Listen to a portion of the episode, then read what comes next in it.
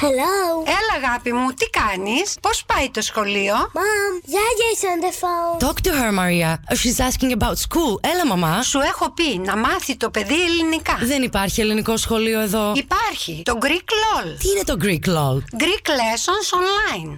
Ένα ελληνικό σχολείο για όλους. Όπου και να μένεις τώρα, μαθαίνεις ελληνικά. Έχει και δωρεάν δοκιμαστικό μάθημα. Maria, go to greek-lol.com and book a free trial now. Greek Lessons Online is the biggest Greek online school and the first Greek school coming right to your door.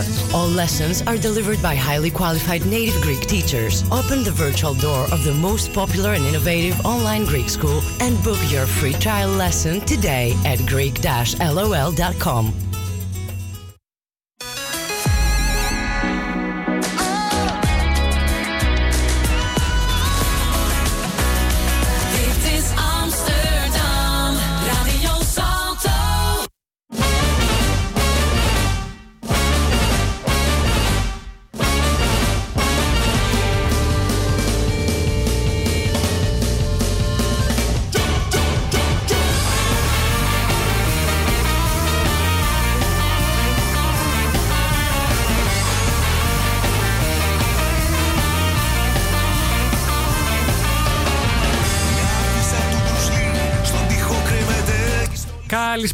από το Άμστερνταμ. Χρόνια πολλά. Καλή χρονιά σε όλους. Εμείς, ακόμα μία Πέμπτη, την τελευταία του χρόνου, εδώ πιστοί στο ραντεβού μας. Εσείς πάλι όπου κι αν είστε, ακούτε ασφαλώς Ελλασπιδακά στη μόνη ελληνική εκπομπή, στα Ολλανδικά FM, ζωντανά όπως κάθε Πέμπτη, 9 με 10 το βράδυ, τοπική Ολλανδική ώρα, στο μικρόφωνο του Ράδιο Σάλτο, ο Νίκος Κουλούσιο.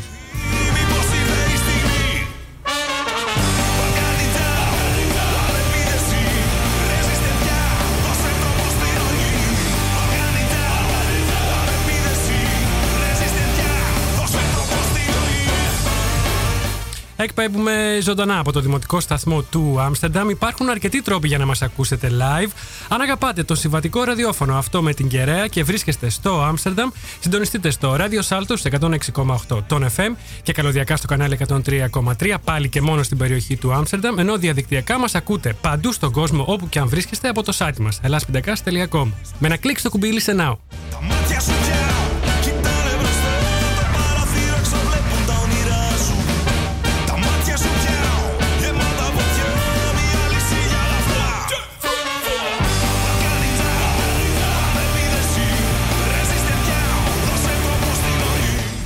Απόψε το Ελλάς Πίντακας αποχαιρετά το 2018 με πολλή μουσική, μια μικρή ανασκόπηση της χρονιάς που πέρασε και ακόμα πιο σημαντικό, με τη ματιά στραμμένη σε όσα ωραία πρόκειται να λάβουν χώρα εδώ στην Ολλανδία από δραστήριους Έλληνες και όχι μόνο μέσα στο 2019. Συναυλίες, μουσικά αφιερώματα και δρόμενα, θέατρο στα ελληνικά, ραδιοφωνικές ε, συμπαραγωγές, Ελληνίδες DJs, Ολλανδοί φοιτητές, φεστιβάλ και σάλτο τηλεόραση. Αυτά μόνο για επιδόρπιο. Το 2019 θα νοστιμήσει σίγουρα τη ζωή μας και το νόστιμο ραδιόφωνο, το Ελλάς Πίντακας, θα είναι εκεί για να μεταδώσει και να απαθανατήσει όλες τις δυνατές στιγμές και αυτή τη νέα χρονιά.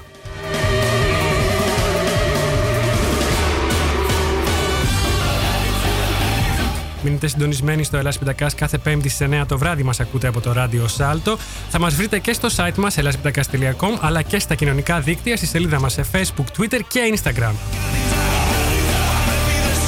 Ενώ αν θέλετε να επικοινωνήσετε τώρα ζωντανά μαζί μας, μπείτε στη σελίδα του Ελλάς Πιτακά στο Facebook και αποστάρετε το σχόλιο σας ή τις ερωτήσεις σας σαν νέο post στη σελίδα μας ή γράψτε μας μέσα στο Twitter χρησιμοποιώντας το hashtag Ελλάς Πίντακας.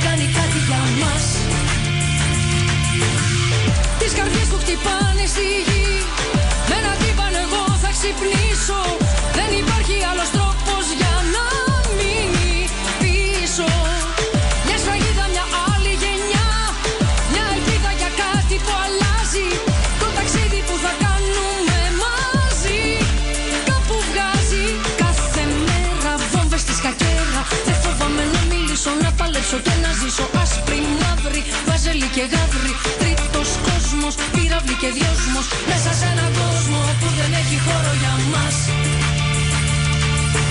Μέσα σε έναν κόσμο που δεν έχει χώρο για μας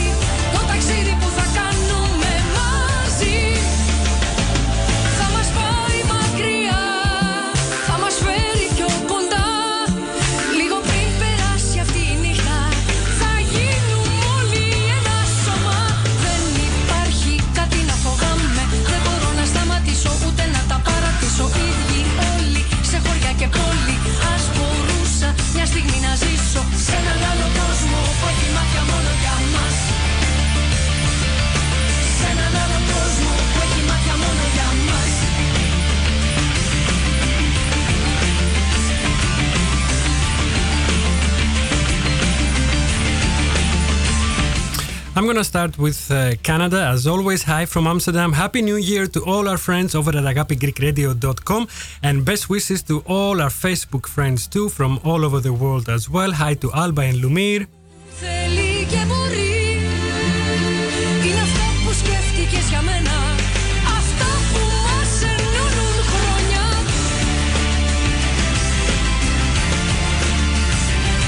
Χαιρετίσματα στη Γιώτα Μπαρόν, τη φίλη της εκπομπής, στη Μαριάννα Φωτιάδου, στον Στέφανο Πολύζο, στον Ιωάννη Παπαδόπουλο, στον Σπύρο Γκόγκα, στην ανιψιά μου τη Μαριάννα που μας ακούει από το Βελιγράδι.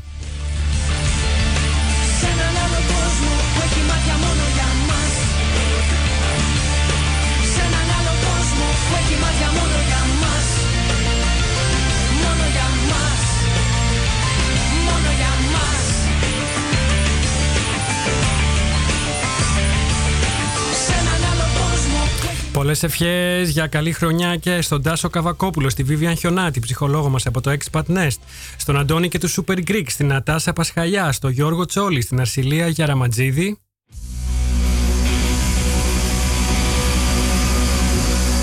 Στην Αμπληνή Κιωσέ και σε όλη την παρέα της Χάγης, στην Τέτη και στο Γιώργο, στον Παναγιώτη, στον Πασχάλη και φυσι- και φυσικά στον ανεκτήμητο μου συνεργάτη, τον Art Director Νίκο Δούλο.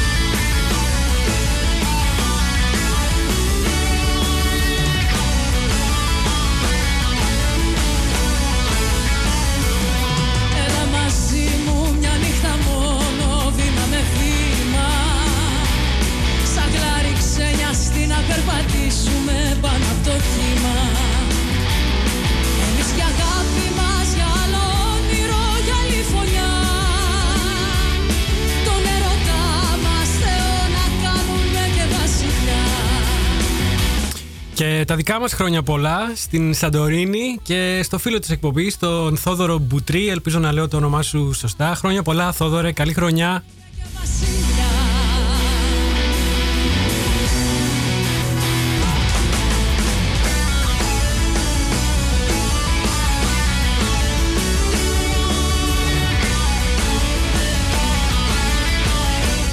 Πολλές πολλές ευχές από το Άμστερνταμ και σε έναν παλιό μου καθηγητή και αγαπημένο καθηγητή, τον ε, Χρήστο το Πλούσιο. Γεια χαρά.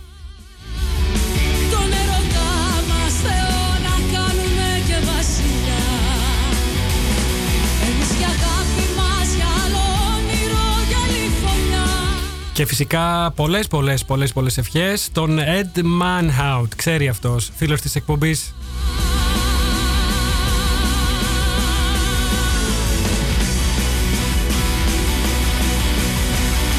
Λοιπόν, να μην χάνουμε καιρό, θα ξεκινήσω την ε, ανασκόπηση και την εκπομπή με το πιο πρόσφατο τηλεοπτικό γεγονός του 2018. Αυτή ήταν η Ελεονόρα Ζουγανέλη σε μια διασκευή του πολύ γνωστού κομματιού «Έλα μαζί μου». Και τώρα θα μπούμε λίγο σε γιορτινό τμήμα, ε, ε, κλίμα ξανά. Πάει ο παλιός ο χρόνος Ας γιορτάσουμε παιδιά Και του χωρισμού ο πόνος Ας κοιμάται στην καρδιά. Καλή χρονιά, καλή χρονιά πολλά. Χαρούμενη Χριστή πρωτοχρονιά Πλησιάζει, πλησιάζει η πρωτοχρονιά, η γιορτή των πυροτεχνημάτων, τουλάχιστον εδώ στην Ολλανδία και σε πολλές περιοχές της Ελλάδας εξίσου. Λοιπόν, σας έλεγα για το πιο πρόσφατο τηλεοπτικό γεγονός του 2018, με το οποίο θα ξεκινήσουμε την ε, ανασκόπηση. Θα ξεκινήσουμε από τα τελευταία δηλαδή, από το τέλος και θα πάμε προς τα πίσω. Η δημοτική τηλεόραση και συγκεκριμένα το πρώτο κανάλι, ε, το Salto 1, η δημοτική τηλεόραση του Άμστερνταμ και το Salto 1, γιατί έχει δύο κανάλια, το πρώτο κανάλι της δημοτικής τηλεόρασης της πόλης, έκοψε την πρώτη του βασιλόπιτα στα χρονικά της λειτουργίας του. Και μάλιστα πρόωρα, πριν καλά καλά κόψουν βασιλόπιτα οι Έλληνες, τηλεοπτικοί και λοιποί δημοσιογράφοι. Η καρδιά μας πάντα ζει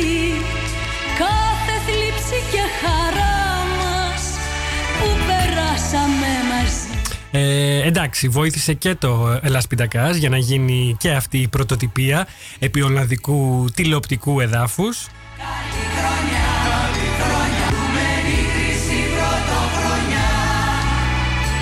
Βέβαια, η ιδέα ξεκίνησε από το Σάλτο και τον Γιώρης Φαντεσάντε, τον αναπληρωτή διευθυντή του Δημοτικού Σταθμού. Ο Γιώρης λοιπόν είχε την φαϊνή ιδέα να μαζέψει σε μία εκπομπή όλους τους expats και λοιπούς μη Ολλανδούς που έχουν εκπομπή στα τέσσερα ραδιοφωνικά και δύο τηλεοπτικά κανάλια του Σάλτο, να τους καθίσει όλους σε ένα γιορτινό ντεκόρ και να τους ρωτάει δύο-δύο αναδιάδες για τα χριστουγεννιάτικα έθιμα και τις παραδόσεις που έχουν στις ιδιαίτερες πατρίδες τους αυτές τις γιορτινές μέρες.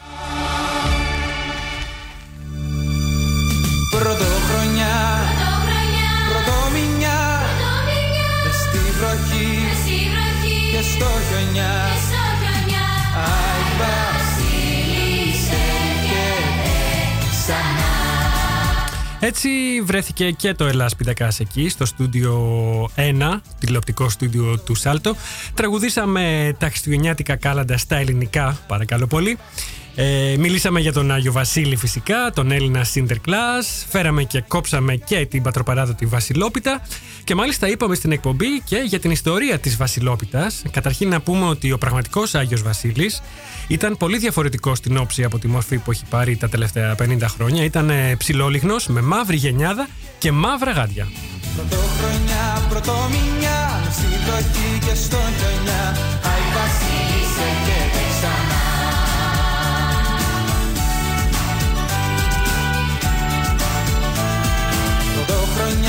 Ποια είναι όμως η θρησκευτική παράδοση, η ιστορία θα λέγαμε της Βασιλόπιτας που συνδέεται και με την προσωπικότητα του Μεγάλου Βασιλείου; Θα σας πω, κατά τη θρησκευτική λοιπόν παράδοση, κάποτε στην Κεσαρία της Καπαδοκίας, στη Μικρά Ασία, όπου ο επίσκοπος ήταν ε, ο Μέγας Βασίλειος, ήλθε να την καταλάβει ο έπαρχος της Καπαδοκίας με πρόθεση να τη λαιλατήσει. Τότε ο Μέγας Βασίλειος ζήτησε από τους πλούσιους της πόλης του να μαζέψουν ό,τι χρυσαφικά μπορούσαν προκειμένου να τα παραδώσει ως λίτρα στον επερχόμενο κατακτητή. Πράγματι συγκεντρώθηκαν πάρα πολλά τιμαλφή, Πρωτοχρονιά,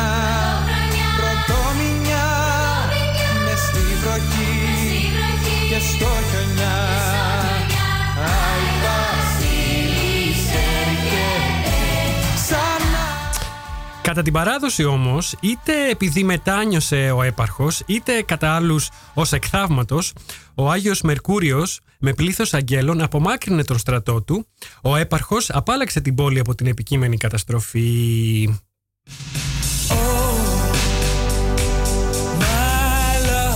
Προκειμένου όμως ο Μέγας Βασίλειο να επιστρέψει τα τιμαλφή στους δικαιούχους, μη γνωρίζοντας σε ποιον ανήκει τι, έδωσε εντολή να παρασκευαστούν μικροί άρτοι εντός των οποίων τοποθέτησε αναένα των νομισμάτων ή τιμαλφών και τα διένυμε στους κατοίκους την επομένη του εκκλησιασμού. Το γεγονός αυτό σήμανε την αποφυγή της καταστροφής της πόλης και έτσι συνεχίστηκε η παράδοση αυτή που γιορτάζεται φυσικά την 1η του Γενάρη.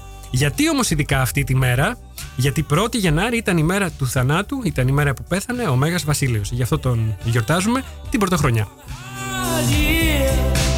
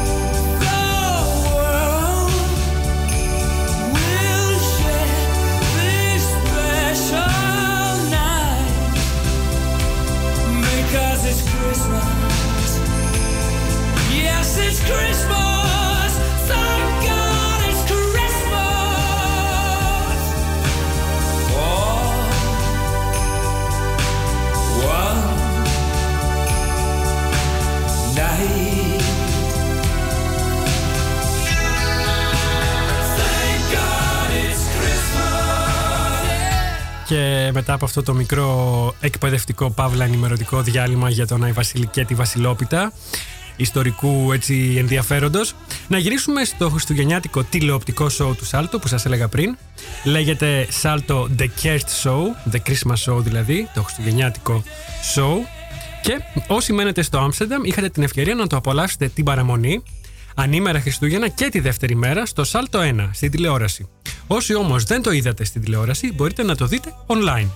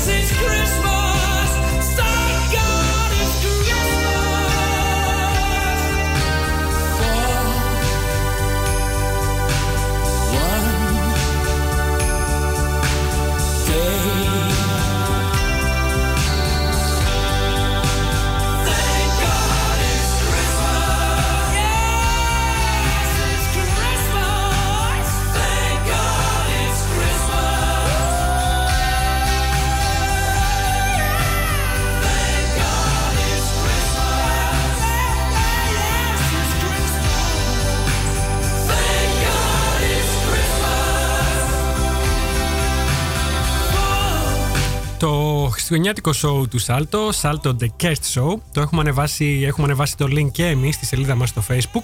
Μπορείτε να μπείτε στη σελίδα του Ελλάς Πιντακάς, στο φάτσο βιβλίο, στο Facebook, να πατήσετε στο σχετικό link. Είναι αυτό με την εικόνα που δείχνει τον παρουσιαστή, τον Γιώρης, να κόβει την βασιλόπιτα.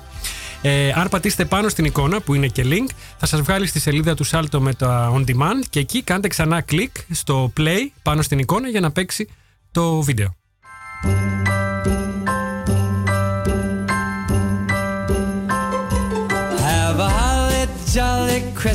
Αν αφήσετε όλο το βίντεο να τρέξει, θα δείτε όλους τους συντελεστές του Σάλτο που πέρασαν από το τηλεοπτικό πλατό του Kerst Show.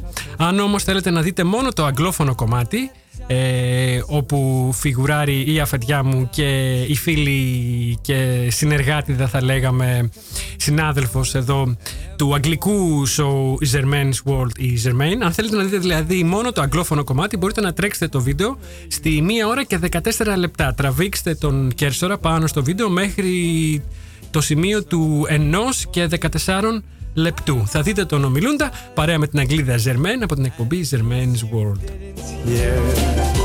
Oh, Δεν έχει ελληνικούς υπότιτλους, είναι στα αγγλικά. Christmas this year.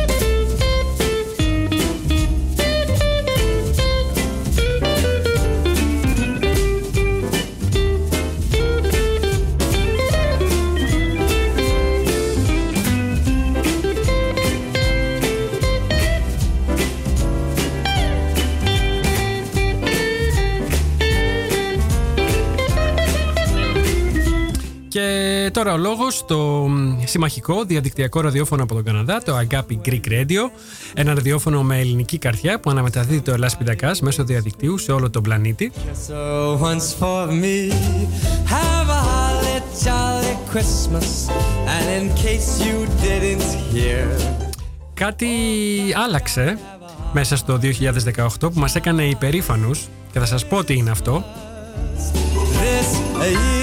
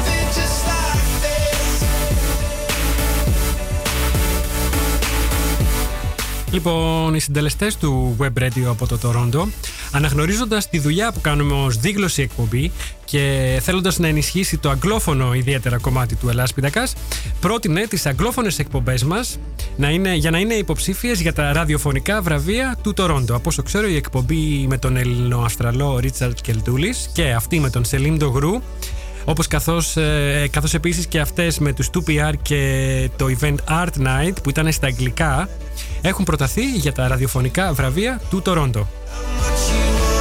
Περισσότερα και ιδίως αν ε, πάρουμε το έπαθλο θα σας πω μέσα στο 2019.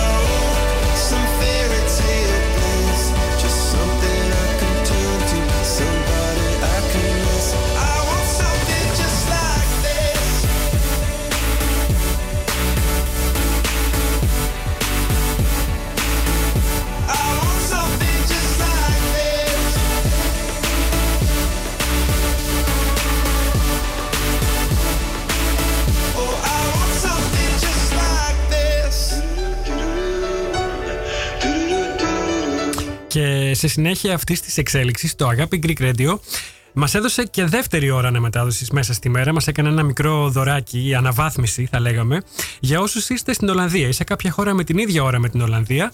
Μας ακούτε από το agapigreekradio.com σε ηχογραφημένη πάντα αναμετάδοση κάθε μέρα στις 12 το μεσημέρι και στις 9 το βράδυ.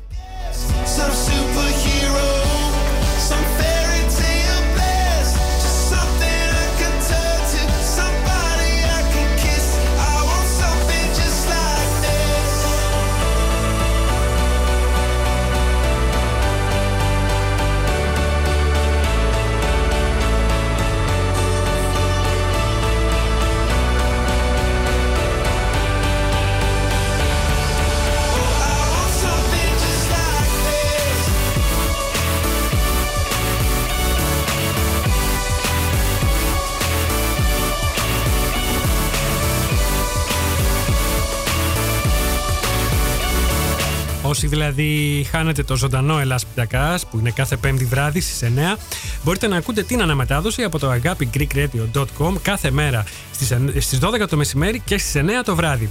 Βέβαια, ξέρετε, το ξέρετε ήδη ότι on demand όλες τις παλαιότερες εκπομπές μας μπορείτε να τις ακούτε και μέσα από το site μας elaspintakas.com στην ενότητα εκπομπές ή απλά μέσα από το κανάλι μας στο SoundCloud από όπου μπορείτε και να τις κατεβάζετε να τις έχετε στο αρχείο σας και να τις ακούτε όποτε θέλετε. Μπείτε τώρα στο SoundCloud του Ελλάς Πιτακάς, βρείτε την εκπομπή που θέλετε, κάντε κλικ στο κουμπί More και μετά στο Download.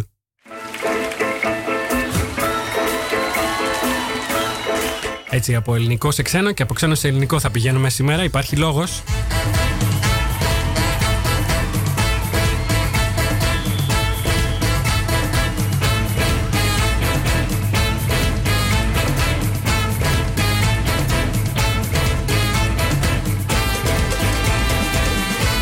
Μέσα στις εξελίξεις του 2018 ήταν και η απόφασή μας να κάνουμε ακόμα περισσότερες εκπομπές στα αγγλικά από ό,τι τα προηγούμενα χρόνια. Γι' αυτό σας λέω υπάρχει λόγος.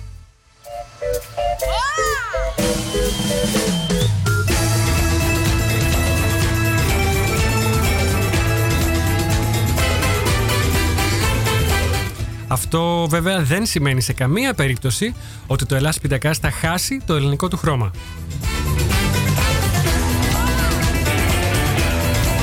Ίσα ίσα πιστεύουμε ότι το ελληνικό χρώμα θα ενισχυθεί μέσα από την ανταλλαγή με άλλα χρώματα που διαθέτει πολλά και διαφορετικά η expat κοινότητα του Άμστερνταμ. Αδιάζει γύρω κι η νύχτα απλώνει σκοτάδι βαθύ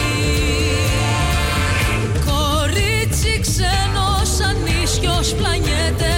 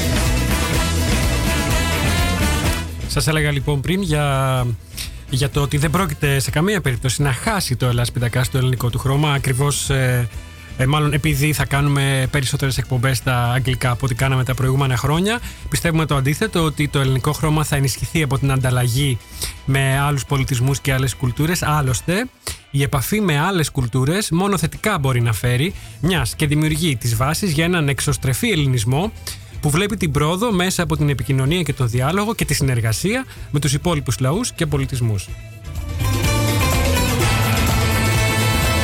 Μπορεί ακόμα μπορεί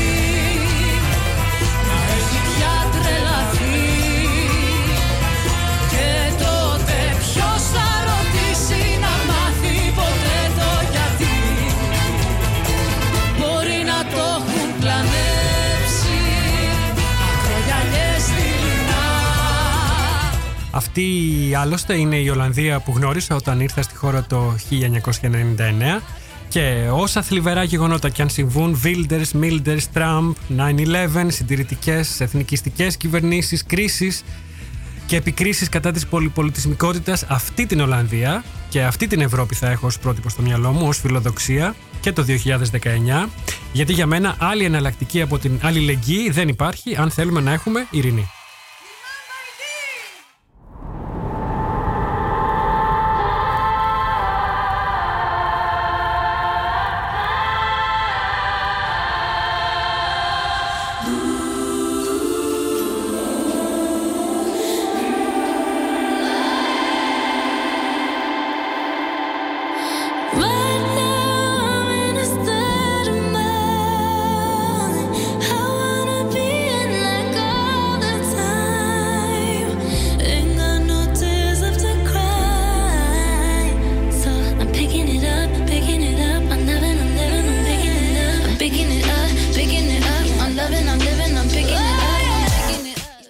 Μιας και μιλήσαμε για Ολλανδία και για Άμστερνταμ, ένα μίνι γεγονός που όμως σας έκανε μ, τρομερή εντύπωση, θα έλεγα, και σας θύμωσε αρκετούς, μερικούς από εσάς, ήταν ε, η αποκαθήλωση του I Amsterdam, του pop γλυπτού, της ανάγλυφης αυτής επιγραφής με τα κόκκινα γράμματα, που κόσμιζε μερικά από τα πιο εμβληματικά σημεία της πόλης του Άμστερνταμ και δίπλα στην οποία είμαι σίγουρος ότι έχετε φωτογραφηθεί πολλοί από εσάς που έχετε επισκεφτεί το Άμστερνταμ τα τελευταία χρόνια.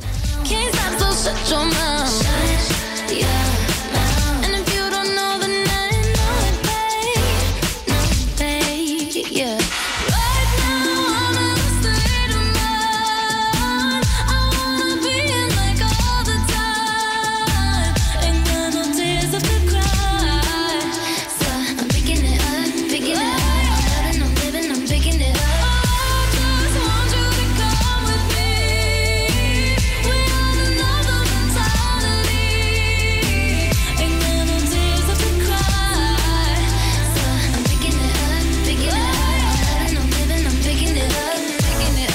Είπαμε λοιπόν goodbye στο I Amsterdam.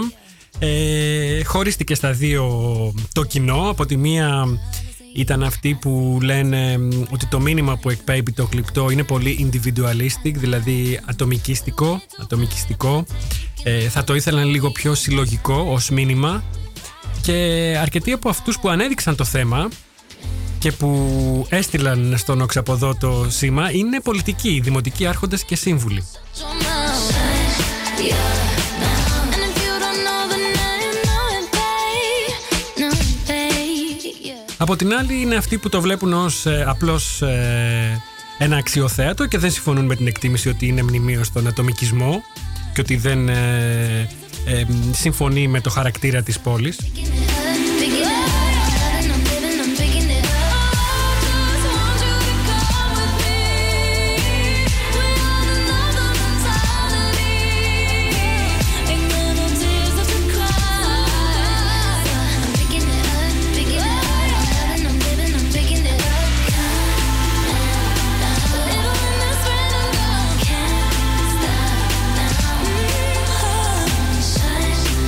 Αλλά αναρωτιέμαι προς τι ο διχασμός για ένα τόσο μικρό θα έλεγα και διακοσμητικό θέμα.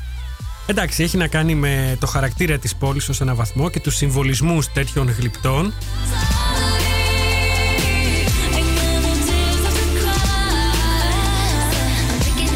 Αλλά όπως είπα και στο σχόλιο μου στο facebook και ανταποκριθήκατε αρκετοί, αν θέλουμε το Άμστερνταμ να γίνει μια πόλη για όλους, προσβάσιμη σε όλους και ανθρώπινη για όλους, αξιοπρεπής για όλους, άλλα είναι τα θέματα που απαιτούν της προσοχής μας.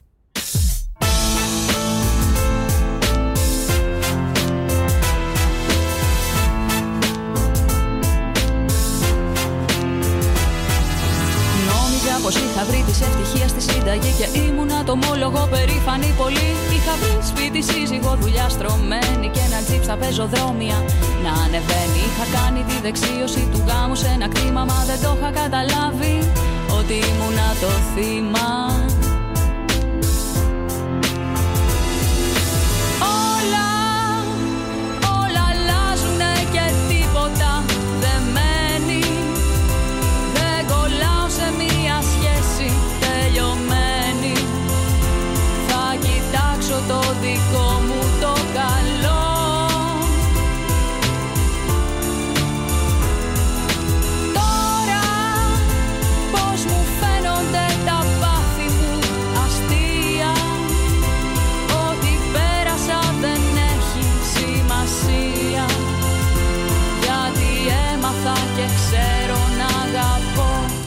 Έτσι είναι, όπως το λέει και το τραγούδι, όλα αλλάζουν. Κάποτε αγαπήσαμε, λατρέψαμε αρκετοί από εμάς το I Amsterdam. Τώρα το στέλνουμε στο πύρτο εξώτερο.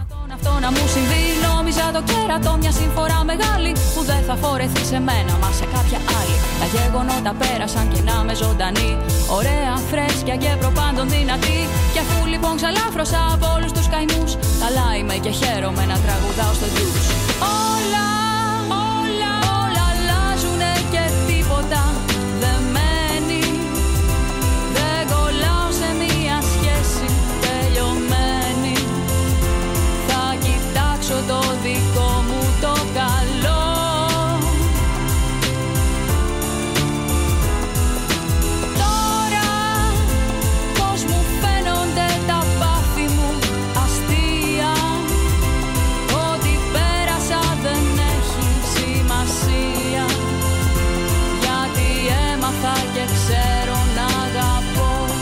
Λοιπόν, όπως και το debate για τον Svarte Piet, τον βοηθό του Sinterklaas, αν θα πρέπει να είναι ε, μαύρος όπως λέει η παράδοση, η παράδοση, η Svart δηλαδή, ή αν θα πρέπει να έχει και άλλα χρώματα, να είναι πιο πολυσυλλεκτικός, η φιγούρα πιο πολυσυλλεκτική. Ε, έτσι και αυτό το debate νομίζω ότι δρά από προσανατολιστικά τελικά, γιατί όπως είπα και πριν, άλλα είναι τα θέματα. Αν θέλουμε να ασχοληθούμε με, το, με την πόλη του Άμστερνταμ και με το πόσο μπορεί να γίνει προσβάσιμη και ανθρώπινη για όλους. Όλα αλλάζουνε και τίποτα δεν κολλάω σε μία σχέση τελειωμένη Είναι θέματα που έχουν να κάνουν με την πραγματική ανισότητα, την ακρίβεια, την άνηση κατανομή ευκαιριών και προνομίων, την, άνωση, με, την άνηση μεταχείριση των expats που πληρώνουν φόρους κανονικά αλλά δεν απολαμβάνουν όλα και ίσα δικαιώματα με τους ντόπιους.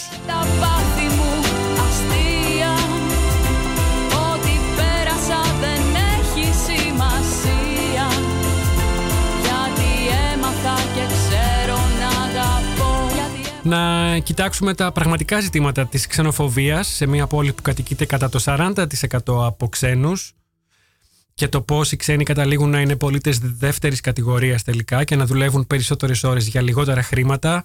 Να δούμε πώς αντιμετωπίζει η πόλη τους νέους, την νεολαία, τους καλλιτέχνες και όλους όσους φτάνουν εδώ με το όνειρο μιας καλύτερης ζωής από οποιαδήποτε χώρα ή από οποιαδήποτε πόλη.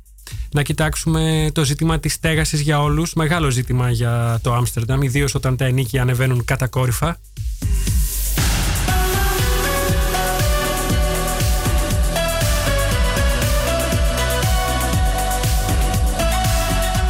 Αυτά είναι πιστεύω τα πραγματικά θέματα. Όλα τα υπόλοιπα είναι λίγο εκ του ασφαλούς. Ε, το Άμστερνταμ αλλάζει, αλλά κοσμητικές αλλαγές δεν αρκούν για να κρατήσουμε τα standards που μας αξίζουν, που αξίζουν σε όλους τους πολίτες. Ούτε πλασματικά debates για επιγραφές και γλυπτά ε, αλλάζουν κάτι, αξίζουν κάτι. Αλλού είναι η ουσία. Η ουσία είναι, πιστεύω, στους ανθρώπους, στους πολίτες, την ισότητα και τη δικαιοσύνη και την ανθρωπιά. and light up my humid halloo. Just like me, the treacherous kind.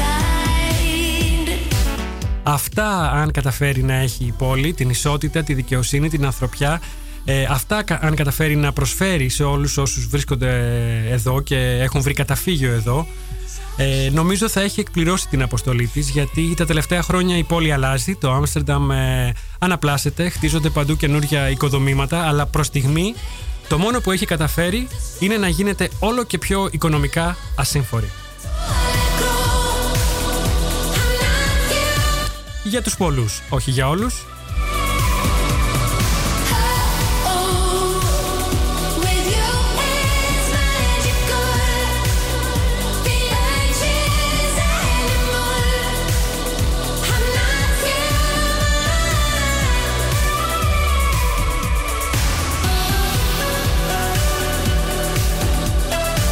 Η νέα γραμμή του μετρό, για παράδειγμα, είναι ένα έργο που τελείωσε μέσα στο 2018. Ε, συνδέεται με αυτό που έλεγα πριν και με την ανασκόπηση που κάνουμε. Συγκαταλέγεται, θα λέγαμε, στα καλά της χρονιάς που πέρασε. Αν μάλιστα σκεφτεί κανείς ότι αρχικά ήταν να τελειώσει το 2009, το 2009 μετά μετατέθηκε η ημερομηνία παράδοσης του έργου στο 2012 και από τότε περιμένουμε. Έπεσε και αρκετές φορές έξω ο προπολογισμό, αλλά όπως φαίνεται ο επιβάτης θα πληρώσει την ύφη και πάλι και σε αυτή τη χώρα. Δεν γίνονται μόνο στην Ελλάδα αυτά. Ε, και εννοώ Μιλάω για το εισιτήριο. Το εισιτήριο του μετρό έχει γίνει πολύ τσουχτερό. Τόσο τσουχτερό που αναρωτιέμαι αν η επέκταση του μετρό έγινε τελικά για τους τουρίστες και μόνο.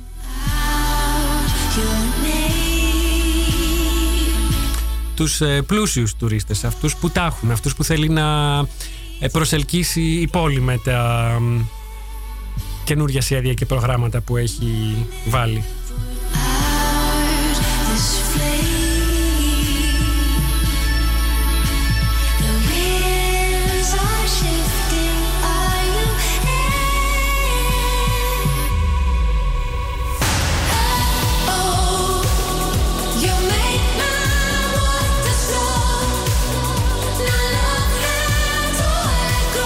Αυτή ήταν η μίνι ανασκόπηση των πιο σημαντικών για μας εδώ ε, στο Ελλάς Πιντακάς γεγονότων, μι- μίνι γεγονότων μικρών και μεγάλων του 2018.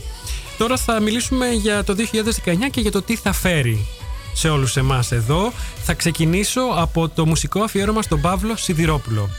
Θα γίνει στις 13 του Γενάρη στο Mesdrab. Είναι το ο χώρος που κάναμε και εμείς το πρώτο μας φεστιβάλ, το Hellas Πιντακάς Festival, εδώ στο Άμστερνταμ, λίγα μέτρα παρακάτω από το στούντιο του Σάλτο. Ε, την προηγούμενη εβδομάδα είχαμε την ευκαιρία να μιλήσουμε τηλεφωνικά με τον Στέλιο Τσουκιά, που θα παρουσιάσει επισκηνή στο αφιέρωμα στον ε, Σιδηρόπουλο. Ευχαριστώ ιδιαίτερα τον Δημήτρη Κρανιώτη και την Art for Arc για τη συνέντευξη και τις προσκλήσεις. Ναι, θα δώσουμε και προσκλήσεις λίγο πριν τη συναυλία, όταν θα ακούσουμε ολόκληρη τη συνέντευξη στην εκπομπή.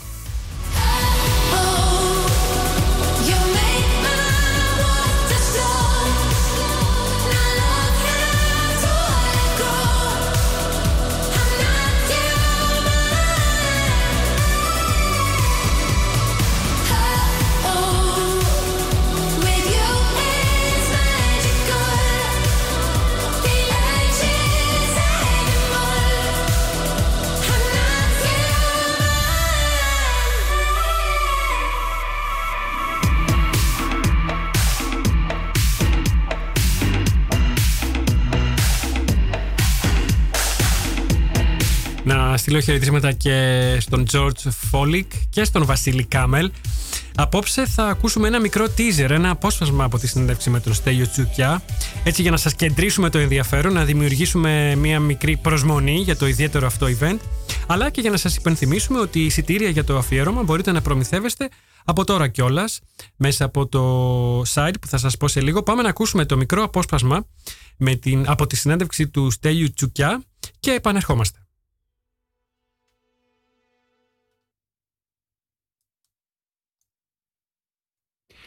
Κάτι τελευταίο για τον Παύλο. Υπάρχει κάτι στη ζωή του ή στην πορεία του που ζηλεύεις, που θα ήθελες να, να κάνεις, να έχεις; Ε, δεν λέω. Η αλήθεια είναι ότι.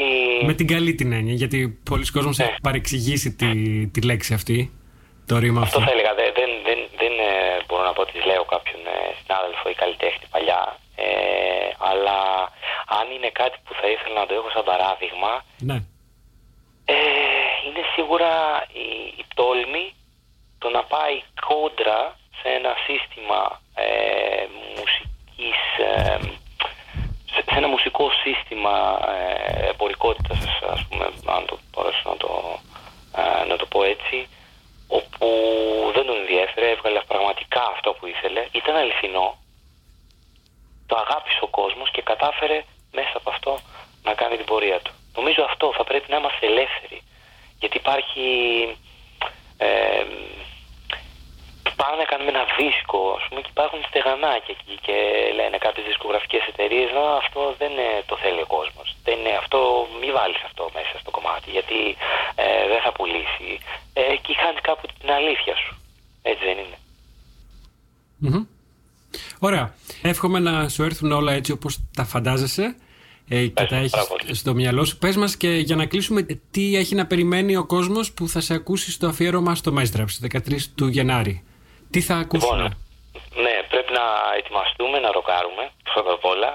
Ε, να, να ηλεκτριστούμε, έτσι όπως το λέω. Όπως το λέω. Ε, να ακούσουμε α, τραγούδια του Παύλου από όλους του- τους δίσκους. Ε, που είναι και έτσι και διαφορετικά μεταξύ τους.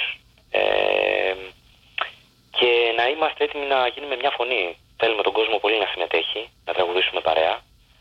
Ε, και όλα θα κυλήσουν, ε, θα κυλήσουν τέλεια μέχρι το τέλος της, της βραδιάς. Όπως ανέφερα, ε, πέρα από τα τραγούδια του Παύλου θα, θα παίξουμε κάποια τραγούδια και από τρύπες, από ε, ξύλινα σπαθιά, ενδελέχεια, δηλαδή από ανθρώπους οι οποίοι συνέχισαν αν μπορώ να πω αυτό λίγο το έργο του, δηλαδή την ελληνική ροκ α, σκηνή να, να ανθίσει ε, και από διάφορα να κρίνει να παίξουμε κάτι.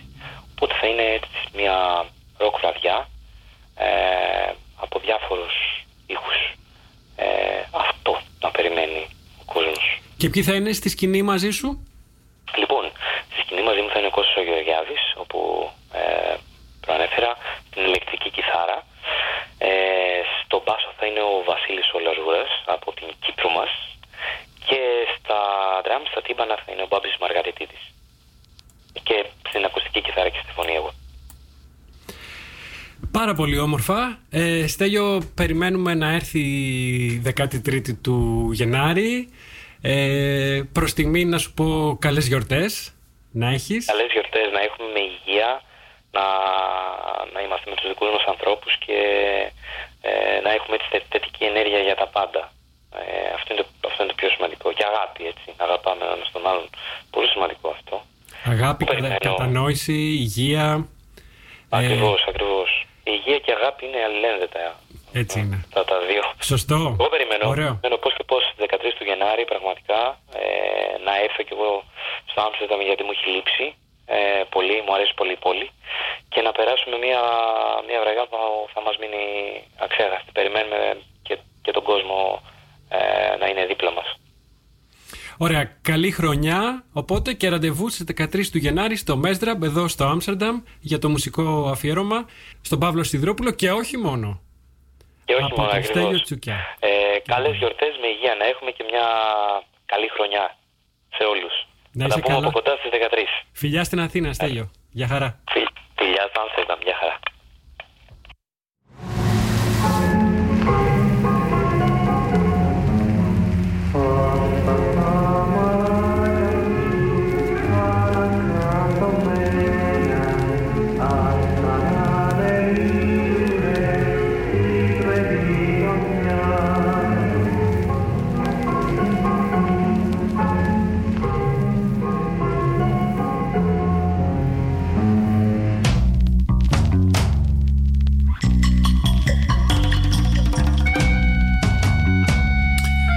Αυτό ήταν το μικρό απόσπασμα, το teaser από τη συνέντευξη την οποία ολόκληρη θα την ακούσουμε ε, μέσα στο 2019, συνέντευξη με τον Στέλιο Τσουκιά. Τώρα ακούμε το «Άστα τα μαλάκια σου», πρόκειται για μια ανασύνθεση του γνωστού και αγαπημένου τραγουδιού από τα παλιά. Είναι σε απόδοση του Στέλιου Τσουκιά και γι' αυτό ακριβώς το τραγούδι μας έχει μιλήσει στη συνέντευξη. Θα την ακούσουμε ε, σε μερικές εβδομάδες από τώρα, ολόκληρη. Βασικά θα την ακούσουμε σίγουρα μία εβδομάδα πριν από το μουσικό αφιέρωμα στον Παύλο Σιδηρόπουλο που θα γίνει στις 13 του Γενάρη στο Μέστραπ εδώ στο Άμστερνταμ. ζουνε στην τρελή νοτιά Τώρα που τα νιάτα σου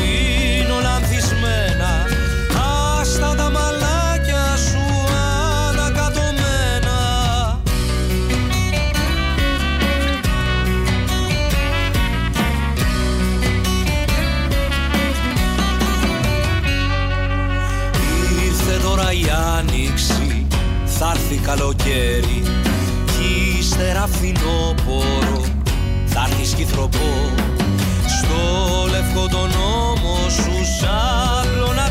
το χέρι σαν φωτιά Θα έχεις τότε τα μαλλιά καλοκτενισμένα Λοιπόν, δεν έχουμε πολύ χρόνο, πρέπει λίγο να βιαστούμε. Σας θυμίζω, μουσικό αφιέρωμα στον Παύλο Σιδηρόπουλο θα γίνει στις 13 του Γενάρη στο Μέστραπ εδώ στο Άμστερνταμ και λίγες μέρες πριν θα ακούσουμε ολόκληρη τη συνέντευξη με τον Στέλιο Τσουκιά εδώ από το elaspitakas.com και θα δώσουμε και προσκλήσεις για, την, ε, για το μουσικό αφιέρωμα αυτό, για τη συναυλία αυτή.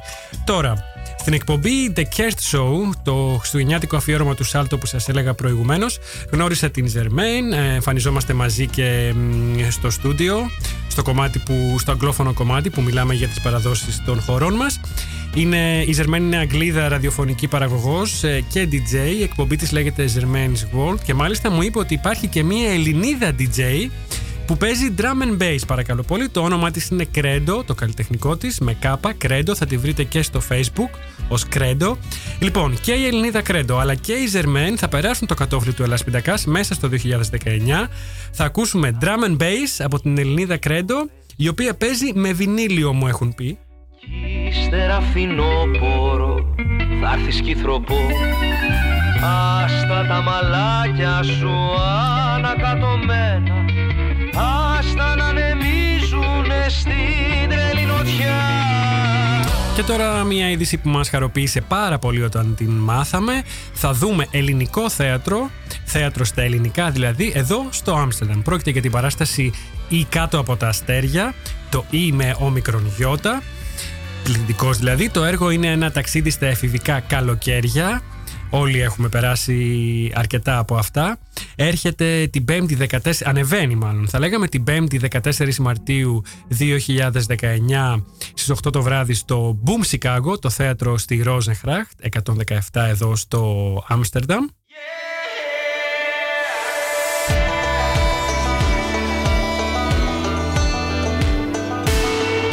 Η παράσταση παίχτηκε αρχικά στην Πάτρα, μετά σε, ε, σε ανοιχτά θέατρα σε όλη την Ελλάδα και μέσα στο 19 ετοιμάζονται να ζωντανεύσουν την ιστορία ε, την ιστορία τους ή κάτω από τα αστέρια, το ήμο μικρογιώτα, σε σκηνές του Λονδίνου, του Μάντσεστερ και του Άμστερνταμ. Η υπόθεση του έργου εντάχει τέλη των 80s της δεκαετίας του 80, αρχές της δεκαετίας του 90, ελληνική επαρχία, πόλη νησιού, η Μένια και ο Νικολής πάνε μαζί σχολείο, γίνονται αχώριστοι, ονειρεύονται, κάνουν έρωτα, ερωτεύονται για πάντα.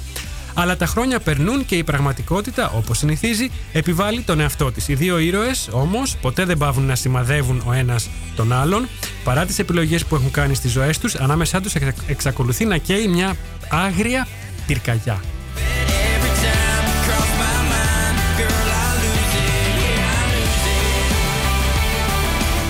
Οι συντελεστές του έργου ή κάτω από τα αστέρια είναι οι.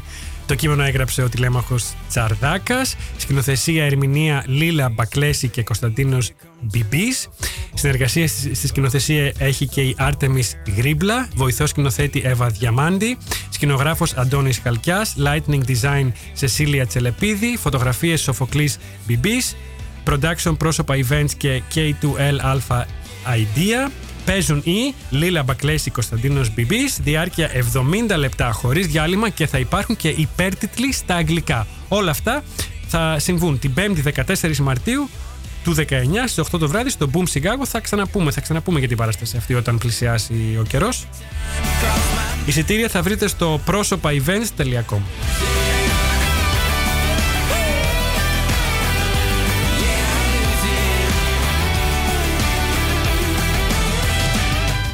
Θα έχουμε και δισκογραφικά νέα μέσα στο 2019 από το φίλο της εκπομπής, τον πιανίστα και συνθέτη jazz μουσικής που ζει στη Χάγη, τον Γιώργο Τσόλη. Μας ενημέρωσε ότι τελείωσε την ηχογράφηση του CD του, το οποίο θα είναι έτοιμο τον Φεβρουάριο και συμφωνήσαμε ήδη να τον έχουμε εδώ στο στούντιο και πάλι σύντομα για να μας το παρουσιάσει. Να σας πω επίσης ότι μέσα στο 19 θα έχουμε στο στούντιο την τάξη του καθηγητή Μανώλη Μαυρομάτη που διδάσκει στο Χάξε Χόχο Χολ, το Πανεπιστήμιο της Χάγης. Ο Μανώλης με είχε καλέσει μέσα στο Νοέμβρη στη Χάγη για να δώσω μια διάλεξη για την Ελλάδα και τη Θεσσαλονίκη εν ώψη της εκπαιδευτικής εκδρομής που οργάνωσε για τους Ολλανδούς φοιτητές του στη Θεσσαλονίκη, στην πόλη μου. Η τάξη πήγε στη Θεσσαλονίκη, πέρασε καταπληκτικά, επισκέφτηκαν και το Δημαρχείο της πόλης και ευχαριστώ τον φίλο της εκπομπής και αντιδήμαρχο Σπύρο Πέγκα που βοήθησε για να γίνει αυτή η επίσκεψη στο Δημαρχιακό Μέγαρο. Και έτσι λοιπόν, τι καλύτερο από το να τους έχουμε εδώ στο στούντιο να μας πούν τις εντυπώσεις τους από την υφούλα του Θερμαϊκού. Και αυτό θα γίνει μέσα στο, μέσα στο 2019.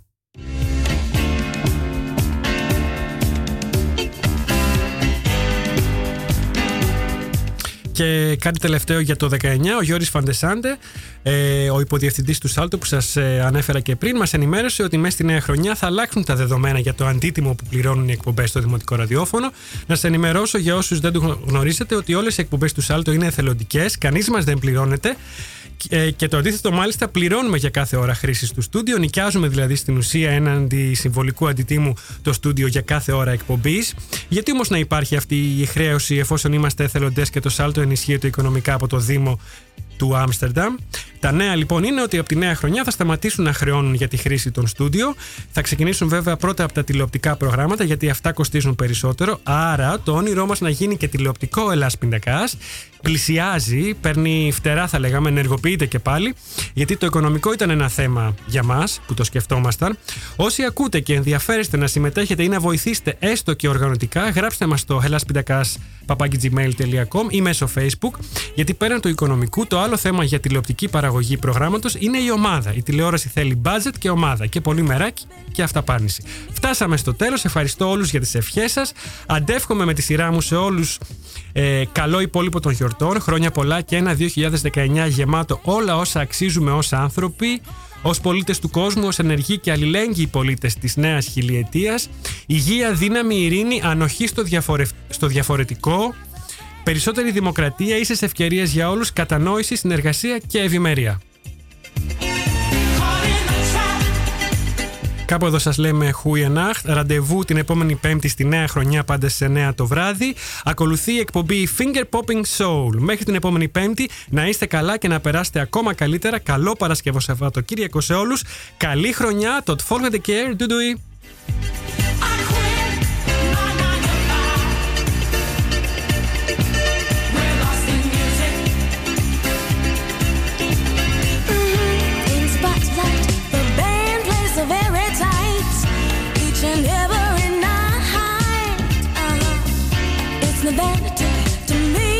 My sanity.